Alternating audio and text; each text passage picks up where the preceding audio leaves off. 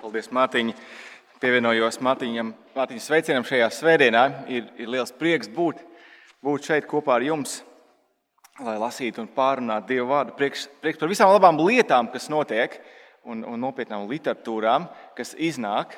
Bet eh, aicinu, ka šajā brīdī mēs varam pievērsties vēl, vēl nopietnākai literatūrai, un tas ir mūsu Lūkas evanģēlijas 15. nodaļa. Un lasīsim labi zināmu stāstu.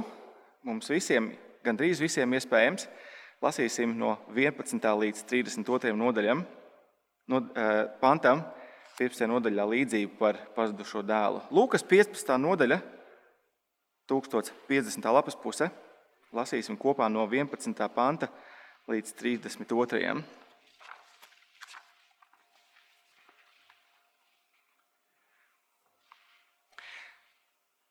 Tad Jēzus stāstīja, Kādam vīram bija divi dēli.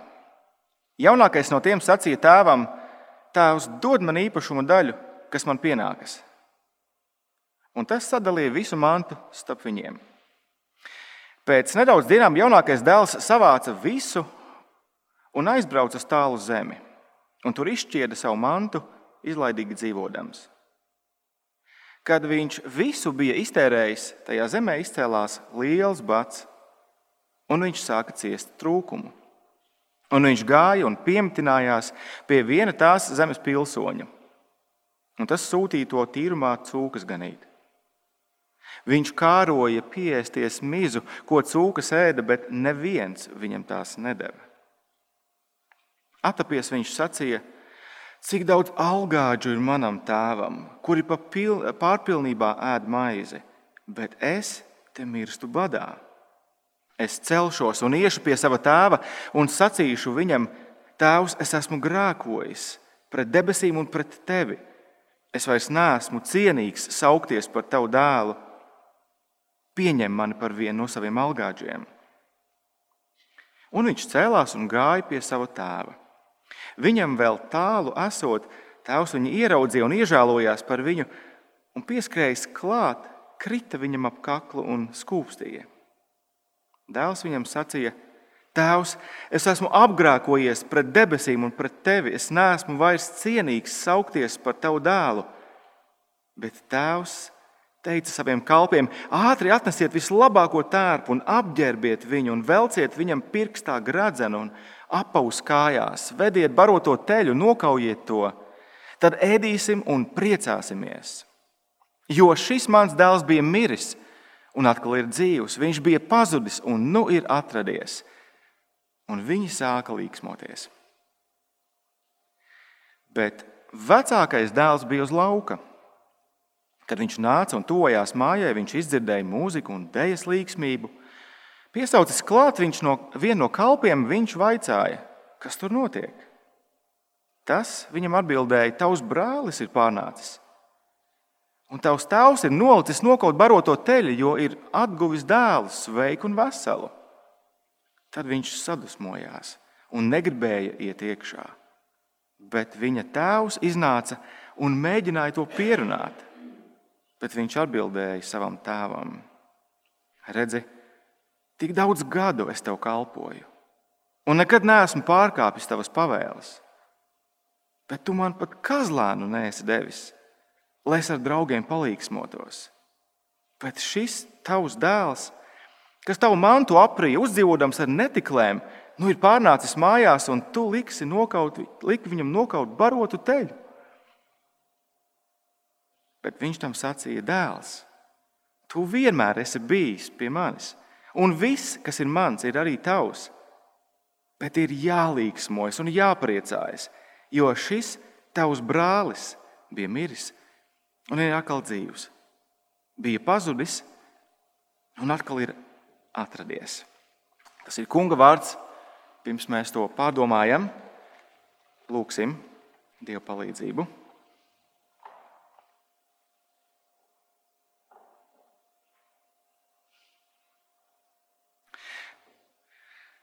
Dabas Tēvs, mēs te pateicamies par šo tavu vārdu. Mēs te pateicamies, ka tas turpina atklāt to, kāds tu esi un kas mums ir vajadzīgs glābšanai. Un Tēvs, tāpēc mēs lūdzam, ka arī šajā pēcpusdienā kad mūsu domas jau steidzas nākamajā darba nedēļā, kad mūsu domas un arī sirdis ir pilnas dažādu rūpju un raižu, mēs lūdzam, atdari mūsu ausis un mīkstina mūsu sirdis tavam vārdam, joprojām, lai mēs to ar visu enerģiju un uzmanību sevi uzņemtu. Dod mums spēku un ar savu garu palīdzi. Un palīdz, kungs, šo vārdu skaidri mums pavēstīt man. Jēzus vārdā Āmen.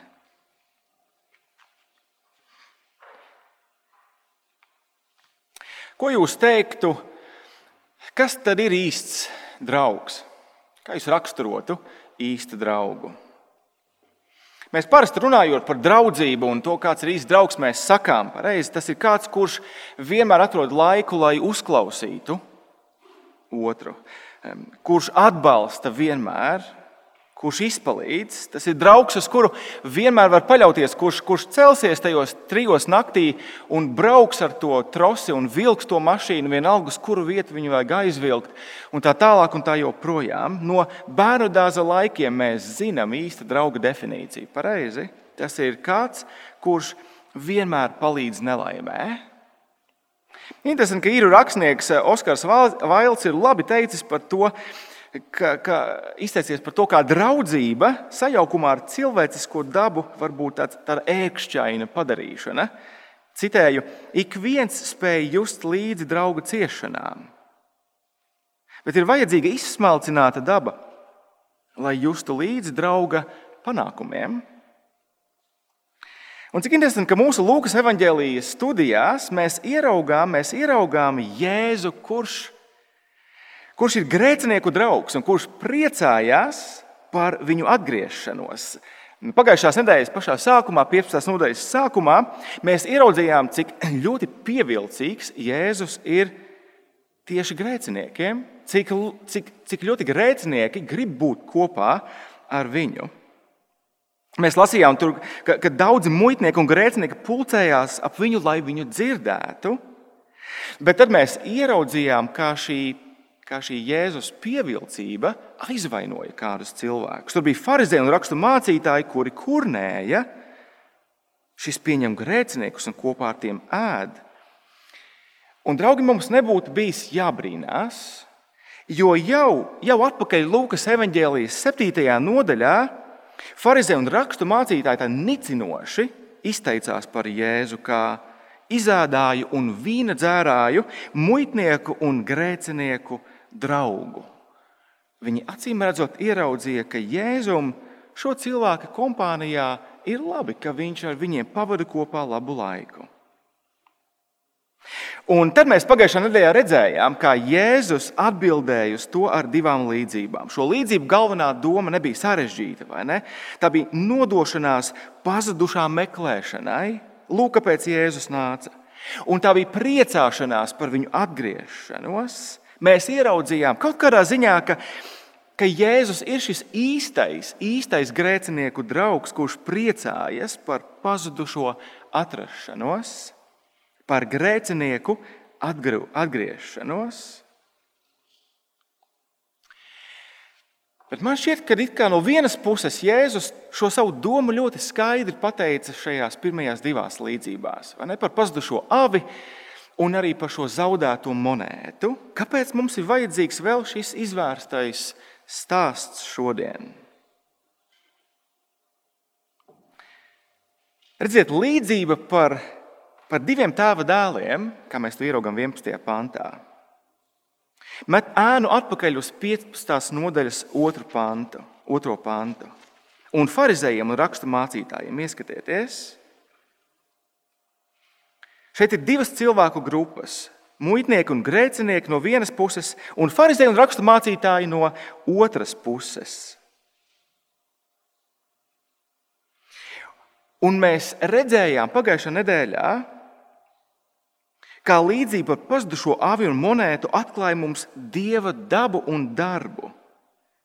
Dievs ir nodevies pazudušā meklēšanai, un viņš priecājas par to atrašanu.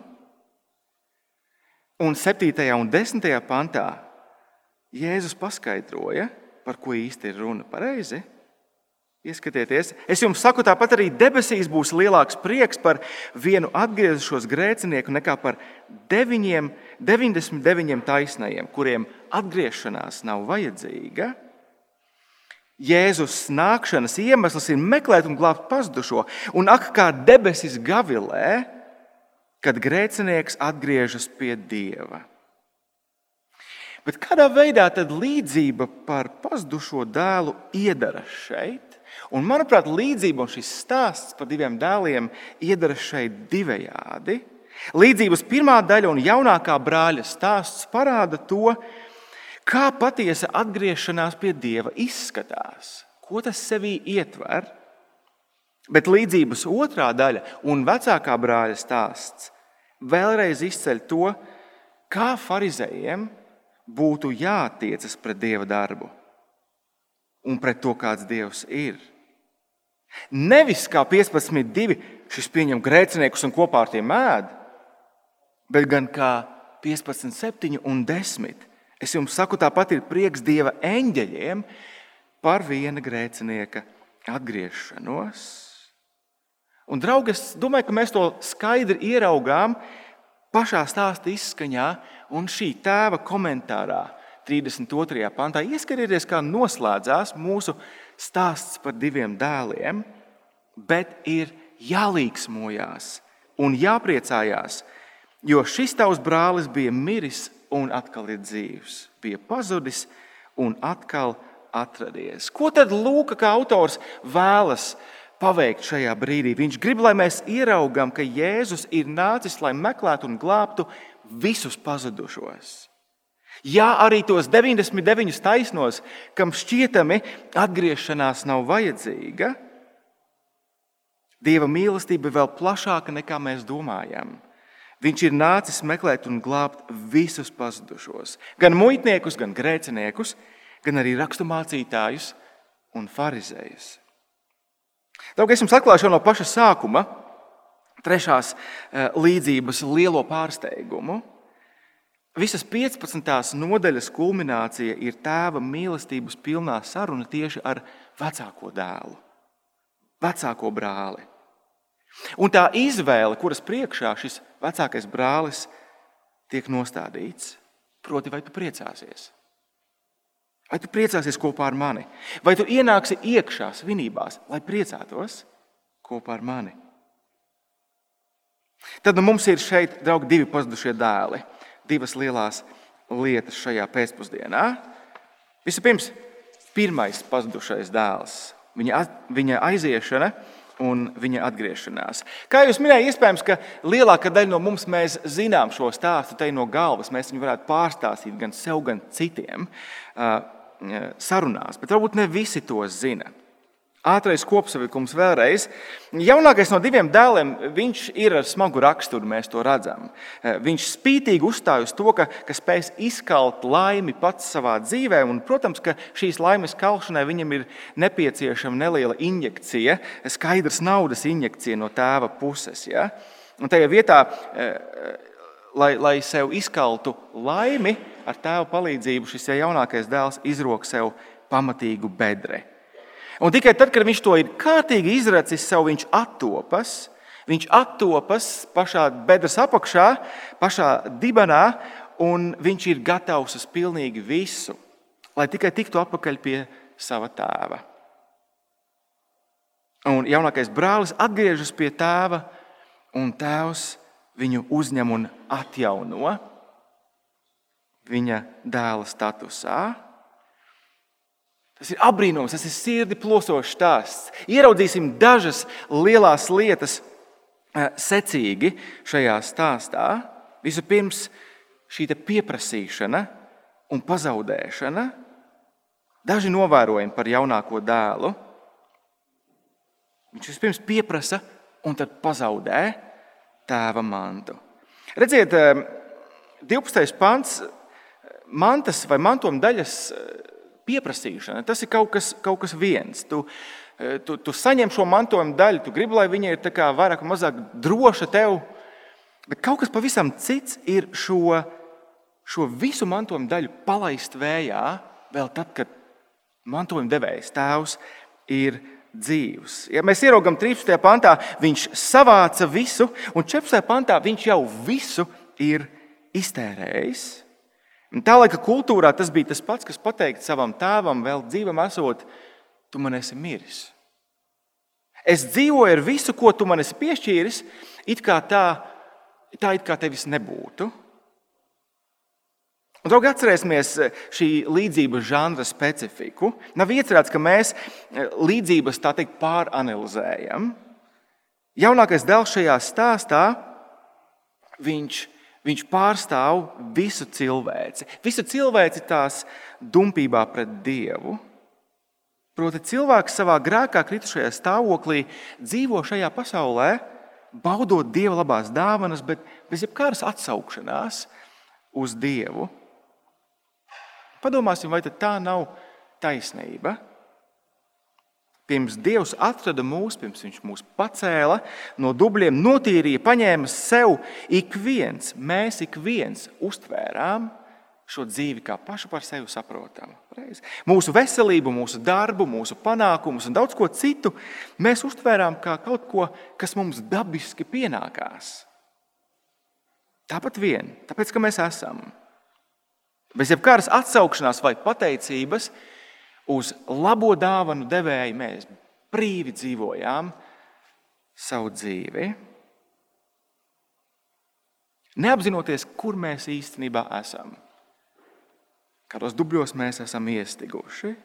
Un, laikam, ir grūti atrast labāku ilustrāciju tam, ko nozīmē gulēt dubļos līdz ausīm, kā to mums parāda 15. un 16. pants mūsu stāstā. Pareizi, ieskatieties, un viņš gāja un piemtinājās pie viena tās zemes pilsoņiem, un tas sūtīja to tīrmā cūkas ganīt. Un viņš kāroja pieties mizu, ko cūkas ēda, bet neviens viņam tās nedeva.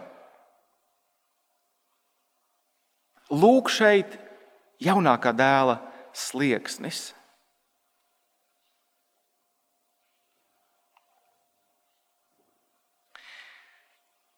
Vēl viens novērojums mēs ieraugām, ka pat cūkas dzīvo labāk šajā brīdī nekā jaunākais tēva dēls. Un atcerieties, Jēzus stāsta šo, šo, šo stāstu jūdu sabiedrības krējumam. Viņš turpina runāt uz rakstu mācītājiem un farizējiem. Vai jūdim ir iespējams piedzīvot vēl lielāku pazemojumu, kā strādāt pie pagāna un vēl piedāvām ganīt nešķīstus dzīvniekus?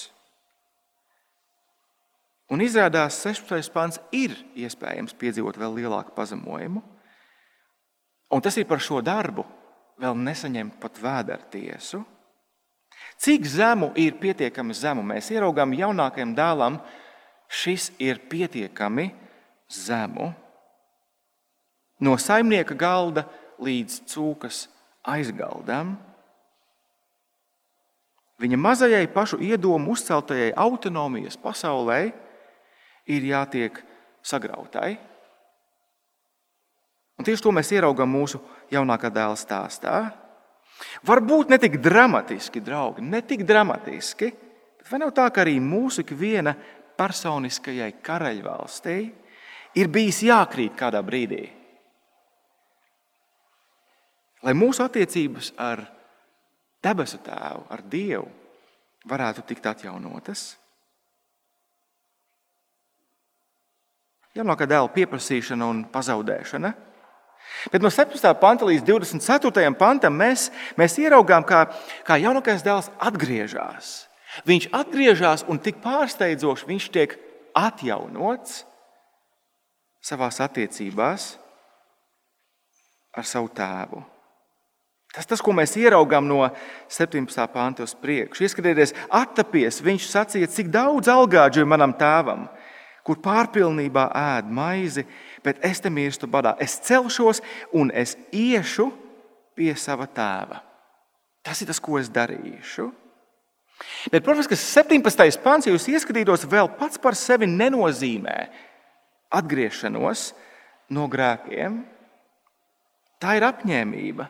Tā ir varbūt sava stāvokļa apzināšanās kaut kādā ziņā, bet tā vēl nav atgriešanās.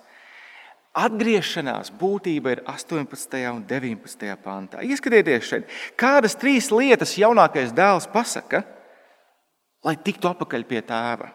Jūs ieraudzījāt?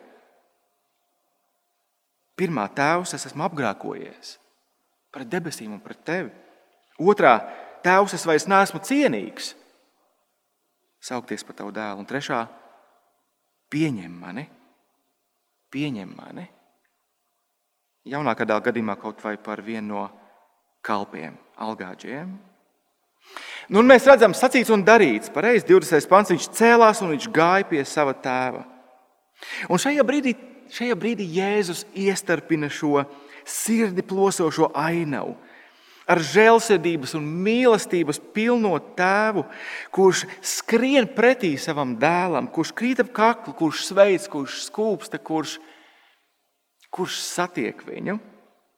Un atkal, draugi, šī ir līdzība, atcerēsimies. Nav iecerēts, ka mēs šeit uzbūvējam uz šīs epizodes tādu pilnīgu glābšanas teoloģiju. Es reiz kādā mācītāju konferencē, sludināšanas darbnīcā, atļāvos par šo episodu pateikt, kā Dievs satiek grēcinieku pusceļā. Un jums vajadzēja redzēt, cik garas izlīda manu, manu brāļu teoloģijas antenas tajā brīdī. Un viņi ar lielām acīm skatījās uz mani, kas būs tas nākamais teikums, ko es pateikšu par to, ka Dievs satiek grēcinieku pusceļā. Protams, ka draugi mums ir jāzina skaidri, mums jābūt skaidrībā par to, kā glābšana darbojās. Tā no sākuma līdz pašām beigām ir Dieva darbs. Tikai un vienīgi Viņš meklē un Viņš glābi dubļos iegrimušo, pazudušo grēcinieku. Viņš viņu paceļ, viņš viņu nomazgā, viņš paņem un nošķir viņu sev. Protams, draugi, atgriešanās no grēkiem nekad nevienā brīdī nav mūsu darbs, kura dēļ Dievs mūs pieņem. Drīzāk atgriešanās no grēkiem ir kā šis kanāls, pa kuru Dieva apžēlošana un atdošana ieplūst mūsu dzīvē. Un mums ir tāpat laikā jāierauga, ka ir vajadzīga reāla un praktiska atgriešanās. Es esmu apgrēkojies, Es neesmu cienīgs. Tevs pieņem mani. Vai jūs pamanījāt to, cik pārsteidzoši skaista ir jaunākā dēla atjaunošana? Tur ap 20. 22. pāntu. Dēls ir ar mieru kļūt par, par tēva kalpu, bet tēvs otrajā reizē, kad dēls izrunā to, ko viņš bija apņēmies pateikt, viņš tiek pārtraukts teikumā, Viņš pat nepaspēja izrunāt, pieņem mani par vienu no saviem algāģiem. 22. pāns, bet, bet tēvs teica saviem kalpiem: ātri atnesiet vislabāko tērpu, apģērbiet viņu un velciet viņam pirkstā gradzenu un kājās apaus. Tēvs atjauno, atjauno dēlu viņa statusā. Viņš atjauno dēlu statusā. Kāpēc? Jo šis mans dēls bija miris, 27. pants, un atkal ir dzīvs. Viņš bija pazudis un nu ir atradies. Jēzus noslēdz šo stāstu komentējot, un viņi sāka līksmoties. Draugi, vēlreiz jaunākā dēla emocionālā atgriešanās pie sava tēva ir stāsts par to, kādā veidā muitnieki un grēcinieki var būt Jēzus draugi. Un tas, tas mums liek domāt par vienu lietu vismaz. Ka jaunākā dēla stāsts atklāja mums to, cik kristietība īstenībā ir vienkārša. Pareizi. Ja tu savā sirdī ticēsi un ar muti apliecināsi, es esmu grēkojis pret tevi, Dievs, es neesmu cienīgs, pieņem mani, tad tu tiksi glābts. Kristietība ir tieši tik vienkārša. Jēzus kļūs par tavu draugu, Jēzus priecāsies par tevi. Ieraugi vajadzību pēc viņa. Es esmu grēkojis, es neesmu cienīgs, pieņem mani. Un jaunākā dēla stāsts atklāja mums to, cik kristietība ir pārsteidzoša. Dievs padara savus ienaidniekus, Cilvēkus, kas dzīvo šo dzīvi kā pašu par sevi saprotamu, kas pieņem visas labās dāvanas šajā dzīvē, kā pašu par sevi saprotamas. Viņš padara šādus cilvēkus par saviem draugiem, par saviem dēliem un meitām. Viņš apber viņus ar visām svētībām debesīs, kas viņam ir Jēzu Kristu. Kristietība ir vienkārša un tā ir pārsteidzoša. Bet kur mēs, kas ticam, ticam un kas mēs, kas mēs sakojam Jēzum, kur mēs iedaramies šajā stāstā? Un es domāju, draugi, šī atkal nav nekāda liela mīkla, pareizi. Šī nav nekāda liela mīkla. Es domāju, ka viens, ik viens, kurš sevi uzskata par kristieti šeit, šodien, ir saskatījis sevī šo jaunāko dēlu. Vai ne? Tas varbūt nebūs tik dramatisks atgriešanās ceļš, bet šis ir ceļš, pa kuru noteikti mēs ik viens, kas esam kristieši, esam gājuši. Arī mums kādā dzīves brīdī bija jāierauga savs patiesais stāvoklis Dieva priekšā un jāsaka, Dievs, es esmu grēkojis. Dievs, es neesmu cienīgs, pieņem mani. Un tāpēc mēs šodien varam teikt, Tēvs, paldies, ka tu esi pieņēmis mani. Paldies, ka pateicoties Jēzum, tu man esi paņēmis atpakaļ. Es zinu, ka es neesmu cienīgs, es zinu, ka es esmu daudz grēkojis. Lūdzu, piedod man. Tas nozīmē būt godīgam, tas nozīmē būt patiesam savā grēku nožēlā arī šodien. Jo pretējā gadījumā, ja atgriešanās mūsu gadījumā nozīmē tikai vienu notikumu toreiz, tad, tad kāpēc, mēs, kāpēc mēs darīsim to, ko mēs darīsim pēc svētdienas? Kāpēc mēs lūgsim grēku nožēlas lūgšanu? Ne, atgriešanās arī mums ir pastāvīgs ceļš atpakaļ pie Dieva. Mūsu grēku nožēlai, mūsu grēku izsūdzēšanai jābūt patiesai un godīgai joprojām. Bet vēl man šķiet, ka jaunākā, jaunākā dēla stāsts kaut kādā ziņā liek mums domāt, sevišķi visiem mums, kas mēs šeit esam vecāki, liek mums domāt arī allaž par tiem visiem mazajiem, kas ir mums uzticēti audzināšanā. Vai ne vecāki, mēs, mēs lūdzam, mēs ceram, lai neviens no mūsu bērniem, lai nevienam no viņiem nebūtu jāiet cauri šī jaunākā dēla dzīves stāstam, pareizi? Lai nevienam nebūtu jāiet cauri šai atgriešanās pieredzēji, e, tie no mums, kas mēs esam gājuši cauri kam līdzīgam, mēs to nekad nenovēlētu saviem bērniem. Un saprotiet, man pareizi ir kristieši, kas domā, ka tas ir vienīgais veids, kā nākt pie Dieva. Savu dramatisku atgriešanās pieredzi, kur tas ir sasniedzis pašu dibenu savā dzīvē. Bet, draugi, nē, mēs, mēs kas esam šeit, kas, audzinam, tie, kas tiecamies audzināt bērnus kungā, Mēs lūdzam un ceram, ka viņi no mazām dienām pazīst Dievu kā savu glābēju, kā savu kungu, kā savu tēvu. Un mēs lūdzam, ka kādā brīdī viņi šo, te, šo te patiesību, realitāti attiecina savā dzīvē, bez dramatiskas, pārmērīgas, atklātas dumpības pret Dievu. Bet es domāju, ka es saprotu arī šīs bažas, kuras tāpēc daudziem no mums varētu būt. Bažas par to, lai mūsu bērni, augot draudzē, nekrīt, nekrīt šajā vecākā dēla lamatās nesāk uztvert attiecības ar Dievu kā pašu par sevi saprotamu, nesāk uztvert draugu un draudzības, sadraudzību šeit kā pašu par sevi saprotamu. Un tas, draugi, pieved mūs pie vecākā dēla stāsta.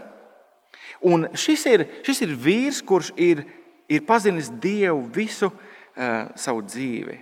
Viņš ir pazinis, viņš ir, viņš pazinis tēva gādību un rūpes, bet viņš nepriecājas par to. Var, varbūt pazinis Dievu ir bijis pārsteidzīgi teikt. Šajā stāstā mums ir jāierauga, ka viņš ir pazinis tēva rūpes visu savu dzīvi. Un šīs līdzības paradoks ir tajā, ka abi divi dēli īstenībā ir pazuduši. Nav tādu 99 taisno, kam atgriešanās nav nepieciešama. Otrs pazudušais dēls un vecākā dēla stāsts. Ko mēs ieraugām šajā atlikušajā stāstā? Vecākais brālis viņš ir, viņš ir ģimenes paraugu dēls. Ja? Viņš ir uzticīgi balstījis ģimenes uzņēmumu.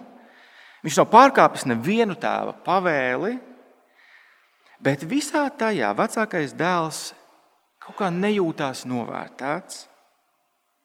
Un tāpēc viņam ir pilnīgi nesaprotama tēva attieksme, tēva izturēšanās pret šo amorālo uzdzīvotāju, kurš nu ir izdomājis pārvilkties mājās. Bet tēvs turpina. Viņš lien ārā no ādas, lai palīdzētu savam vecākajam dēlam ieraudzīt to, cik labas ziņas ir šī jaunākā dēla pārnākšana. Un tēvs aicina vecāko dēlu pievienoties svinībās. Un lielā jautājuma zīme ir, vai viņš to darīs. Vai viņš pievienosies, vai viņš priecāsies? Draugi, vēlreiz vecākā dēla reakcija uz jaunākā dēla pieņemšanu un atjaunošanu dēla statusā tā ir ilustrācija raksturmācītāju un farizēju kurnēšanai. Četri pavisam īsi novērojumi par vecāko dēlu. Pirmais no tiem - vecākais dēls nespēja satvert dieva žēlastību. Izskatieties 30. pantā. Lūk, viņa reakcija. Bet šis tavs dēls, kas tavu mantu aprija, uzdzīvodams ar netiklēm, nu ir pārnācis mājās, un tu liki nokaut viņam baroto teļu. Redziet, vecākais dēls acīm redzot, bija ar izteikti labu matemātisko domāšanu. Viņam galvā bija tabula ar divām ailītēm, viena ar viņa bilanci, un otra, protams, ar jaunākā dēla bilanci. Viņš sevi uzlūkoja kā, kā tādu, kurš vairo tēva labklājību. Jaunākais turpretī aprīja visu tēva mantu. Tu notrieca sarkano lukturu rajonā, kaut kur svešā zemē. Un tagad tēvs izdod vēl papildus līdzekļus, uzņemot viņu atpakaļ. Kaut kas šajā vienā domē nepareizi. Kaut kas te ir nepareizi. Un kaut kādā ziņā vecāko dēlu var saprast ar visu viņa mentālo tabulu. Pareizi. Žēlastību raksturo kaut kas mežonīgs, to raksturo kaut kas ārpus šīs pasaules, kā piemēram eņģeļi, kas rīko ballītes debesīs par katru atgriezušos grēcinieku. Tas ir pretēji tam, kā mēs cilvēciski domājam. Raksturmācītāji un farizēji nespēja pieņemt, kā muitniekiem un grēciniekiem jebkad varētu atspīdēt glābšana. Viņi pat nemeklēja to. Tieši tā, tieši tā Dieva glābšana Jēzu atrada viņus. Žēlastības skandāls ir šajā. Cilvēki, kas uzskata sevi par pareiziem, ieraugot grēcinieku, kura dzīve ir acu mirklīgi izmainīta. Nevar to ciest. Vecākais dēls nespēja aptvert dievu žēlastību. Šo nespēja pieņemt. Otra lieta, vecākais dēls tāpēc nespēja ieraudzīt arī savu vajadzību. 29. pāns, bet viņš atbildēja savam tēvam: Redzi, tik daudz gadu es tev esmu kalpojis, es nekad neesmu pārkāpis tavas pavēles, bet tu man pat kazlēnu neesi devis, lai es ar draugiem līksmotos. Vai cik vecākais dēls bija pārliecināts par savu morālo stāju? Nekad neesmu pārkāpis tavas pavēles. Izskatās, ka šeit Jēzus precīzi zīmējās uz raksturmācītājiem un farizējiem pareizi, kas tik priekšzīmīgi pilda katru noteikumu. Kā tajā lūkšanā, Mateja evanģēlijā, Dievs, paldies, ka es neesmu tāds kā šis grēcinieks. Dievs, paldies, ka es neesmu tāds kā šis dzērājs, pīpmanis, azartspēļu atkarīgais. Vecākais brālis bija pārliecināts, ka vakara ziņas par viņu nevarētu uzrakt pilnīgi nevienu kompromātu. Ar kādiem vārdiem sākas vecākā brāļa atbild uz jautājumu, kāpēc tu domā, ka tev vajadzētu būt debesīs? Kāpēc tu domā, ka Dievam vajadzētu ielaist tevi savā valstībā?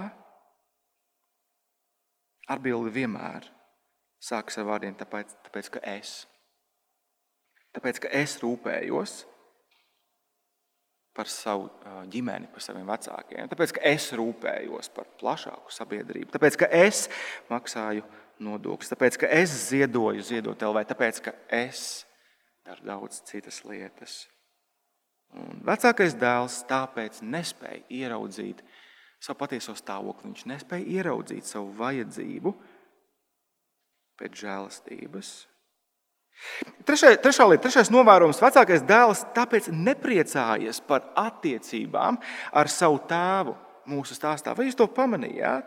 Mēs varam noprast to, pievēršot uzmanību valodai, kādā dēls izskatās. Ieskatieties 30. pantā vēlreiz, kā viņš izsakās par savu brāli 30. pantā. Šis tavs dēls,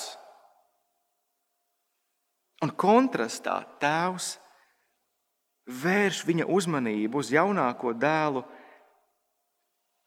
Šis tavs brālis ir pārnācis. Vecākajā dēlā nav nekāda prieka. Un vēlreiz, kā šis vecākais dēls domā par savu statusu, 29. pants. Redzi, cik daudz gadus es esmu kalpojis, burtiski cik daudz gadus es tev esmu vergojis. Viņam tēvs bija nevis tēvs, viņam tēvs bija kungs un vagars. Es tev esmu vergojis tik daudz gadus. Un tā nu abi brāļi īstenībā dzīvoja ļoti tālā zemē šajā stāstā. Viens būtiski bija aizgājis tālā zemē, bet otram šī tālā zeme bija paša tēva tīrums. Tepat pie mājām, tepat mājās. Vecākais dēls nekādīgi nepriecājās par to, kas viņam ir. Un pēdējā ceturtā lieta, vecākais dēls nevarēja izvairīties nekādīgi no tēva konfrontācijas, no aicinājuma. Mēs redzam, ka vecākais dēls ir dusmīgs. Viņš atsakās pievienoties ballītei par godu savam brālim. Un, un, un tāpēc tēvs iznāk ārā, lai viņu personiski uzaicinātu. Neskatoties, neskatoties uz vecākā dēla apvainojumiem, 30. pantā. Un, draugi, vēlreiz šī visa stāsta šoks. Tēvs neviens skrien pretī dēlam, kurš beidzot ir sapratis, kas notiek un kas grib atgriezties pie sava tēva. Bet šoks ir tajā, ka tēvs iznāk ārā, lai ieaicinātu iekšā veco, vecāko dēlu. Nevienu viņš iznāk, viņš lūdzās, viņš argumentē dēlam. 31. pāns, dēls, tu vienmēr esi bijis pie manis. Viss, kas ir mans, ir arī tavs. Ieraugi to. Tev ir vienmēr bijusi pieejama mana klātbūtne, mans padoms, mans atbalsts, mana palīdzība. Tas vienmēr bijis šeit. Es vienmēr ar prieku dotu tev visu, ko tu man lūgtu. Bet tagad, šajā brīdī, ieraugi, ka ir jālīgsmojas par šī te jaunāka atgriešanos. Ir jālīgsmojas, viņš bija pazudis un ir atradies. Viņš bija miris un atkal ir dzīvs. Taugi šīs līdzības lielais pārsteigums ir Jēzus sirsnīgā vēlme ieraudzīt savā valstībā arī paštaisnos rakstu mācītājus, farizējus. Jēzus ir nācis, lai meklētu un glābtu visus pazudušos. Nav tādu 99 taisno, kuriem atgriešanās nav vajadzīga. Tā ir vajadzīga visiem. Ja farizēji un rakstu mācītāji grib saņemt mūsu sērijas terminoloģijā runājot valstības certifikātu, viņiem ir jāvakcinējas pret šo nāvējošo vīrusu, viņu atteikšanos pieņemt to, ko Dievs dara tajā brīdī, kad tas nesaskan viņu priekšstatiem. Un viņu izvēle dzīvot šai pasaulē, nevis nākamajai pasaulē. Viņi jau tika konfrontēti 14. nodaļā, un viņi vēl būs konfrontēti 16. nodaļā, jo viņi mīlēja naudu, bagātības Bet tajā vietā raksturmācītājiem farizēji izvēlējās vakcinēties pret evaņģēliju, pret Kristus mācību. Un tāpēc valstības certifikāts viņiem nespīd. Varbūt izskaņā nedaudz eh, paskaidrojot, kas tad īsti ir vecākais brālis. Manuprāt, protams, izteikti vecākais brālis ir kaut kādā ziņā gan laicīgā, gan garīgā elite mūsdienās. Un kaut kādā ziņā tas, tas, tas sevī ietver šo domāšanu par to, ka visa sabiedrība ir parādā maniem pūliņiem. Un, ja ir tāds dievs, tad arī viņš īstenībā ir man parādā. Un mazākais, ko viņš var darīt, ir uzņemt mani savā valstībā. Vecākajam brālim viņam ļoti patīk būt un patīk būt pamanītam 18. novembra ekumeniskajā dievkalpojumā un Ziemassvētku dievkalpojumā, Doma baznīcā un kādās citās lielās baznīcās bet tur nav prieka par to, ko Dievs reāli dara. Tur nav prieka par grēcinieku glābšanu, tur nav prieka par mūžīgo dzīvību, ko Dievs dāvā caur savu dēlu, jo tur nav attiecību ar vienīgo dzīvo Dievu. Tādiem cilvēkiem, kā vecākais dēls, viņiem bieži piešķir godu apbalvojumus un ordeņus, dažādas atzinības, bet tas nemaina realitāti. Vienīgais, kā saņemt godības vainagu Dieva valstībā, ir caur atgriešanos no grēkiem pie dzīvā Dieva. Dievs, es esmu vainīgs, es neesmu cienīgs, pieņem mani. Un vienīgais, kā to var saņemt, ir šādi. Arī pieņemot to, ka Dievs glāb pazudušos caur savu dēlu Jēzu Kristu. Un Dievs sniedz savu palīdzošo roku, un Viņš saka, jā, mums ir jāierauga, ka Viņš sniedz savu roku un saka arī šādiem cilvēkiem, nāc iekšā. Nāc iekšā un priecājies. Bet, manuprāt, manuprāt, mums ir jāierauga arī tas, ka, lai arī tipiski mēs, mēs šodien, kas asociējam sevi ar Jēzus mācekļiem, mēs esam šis jaunākais brālis. Mēs pateicībā Dievam un ar viņa gādību, un labestību un žēlastību esam pie viņa. Mums ir jābūt uzmanīgiem, mums ir jāpielūko, lai arī mūsu sirdīs kādreiz neiezogās šī vecākā brāļa mentalitāte. Draugi, mēs zinām, ja mēs pazīstam sevi, kā, ka pietiekoši ilgi esot baznīcā vai sēžot baznīcas solā, mēs varam sākt darīt pareizās lietas. Mēs varam pildīt visus pareizos rituālus, bet bez prieka. Bez prieka par dzīvām attiecībām, kas mums ir caur Kristu ar Dievu. Pareizi. Mums ir jāpielūko. Mums ir jāpielūko, ja kādreiz mūsu domās izaugās šī attieksme, dievkalpojums mani neuzrunāja. Kaut kā bija garlaicīgi, kaut kā sausi. Un tā tālāk, un tā joprojām. Bīstamība ir, ka mūsu domas un sirdis pārlieku pievēršās šai pasaulē, šim laikam, šīm lietām. Un Ja mēs piefiksējam, ka mūsu domas aizklīst šajā virzienā, mums ir jāzina, ka vienīgās zāles mums ir pateicība. Dievs, paldies, ka tu Kristu glābi. Paldies, ka tu turpini Kristu glābt mani šodien. Paldies, ka tu man esi piešķīris visu nepieciešamo dievbijai dzīvei, šeit un tagad, un mūžībā.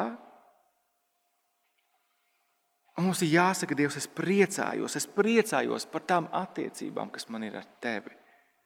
Par to glābšanu, ko tu esi sagādājis man un citiem grēciniekiem. Mums būs iespēja to darīt jau pēc neilga brīža, mēs kopīgi nāksim pie kunga mīlestības, pie viņa bagātīgi klātā galda, Mēs atgādināsim viens otram, cik svarīgi ir pateikties un priecāties par to, kas mums jau ir. Bet pirms tam vēl īsi lūksim.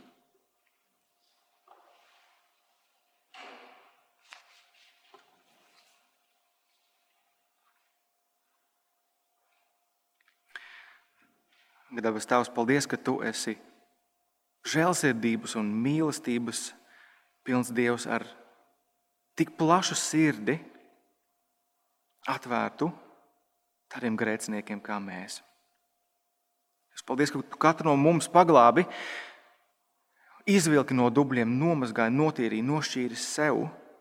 Tu ļāvi ieraudzīt mums mūsu patieso stāvokli Tavā priekšā. Tu ļāvi mums teikt šos vārdus, Es esmu grēkojis, es esmu vainīgs. Piedod man, ņem atpakaļ mani.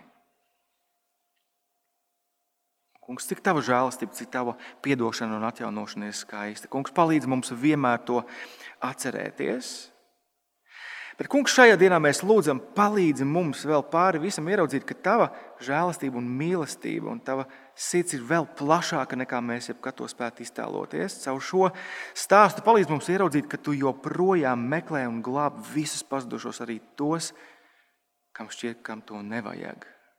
Tas maina, kungs, mūsu, mūsu domas un attieksmi arī pret tiem, kas mums ir apkārt kuriem izskatās, ka viss ir kārtībā, kuriem nevajag neko šajā pasaulē. Palīdz mums ieraudzīt, ka tu aicini arī viņus atpakaļ savā priekā. Tas mēs lūdzam to Jēzus vārdā. Amen.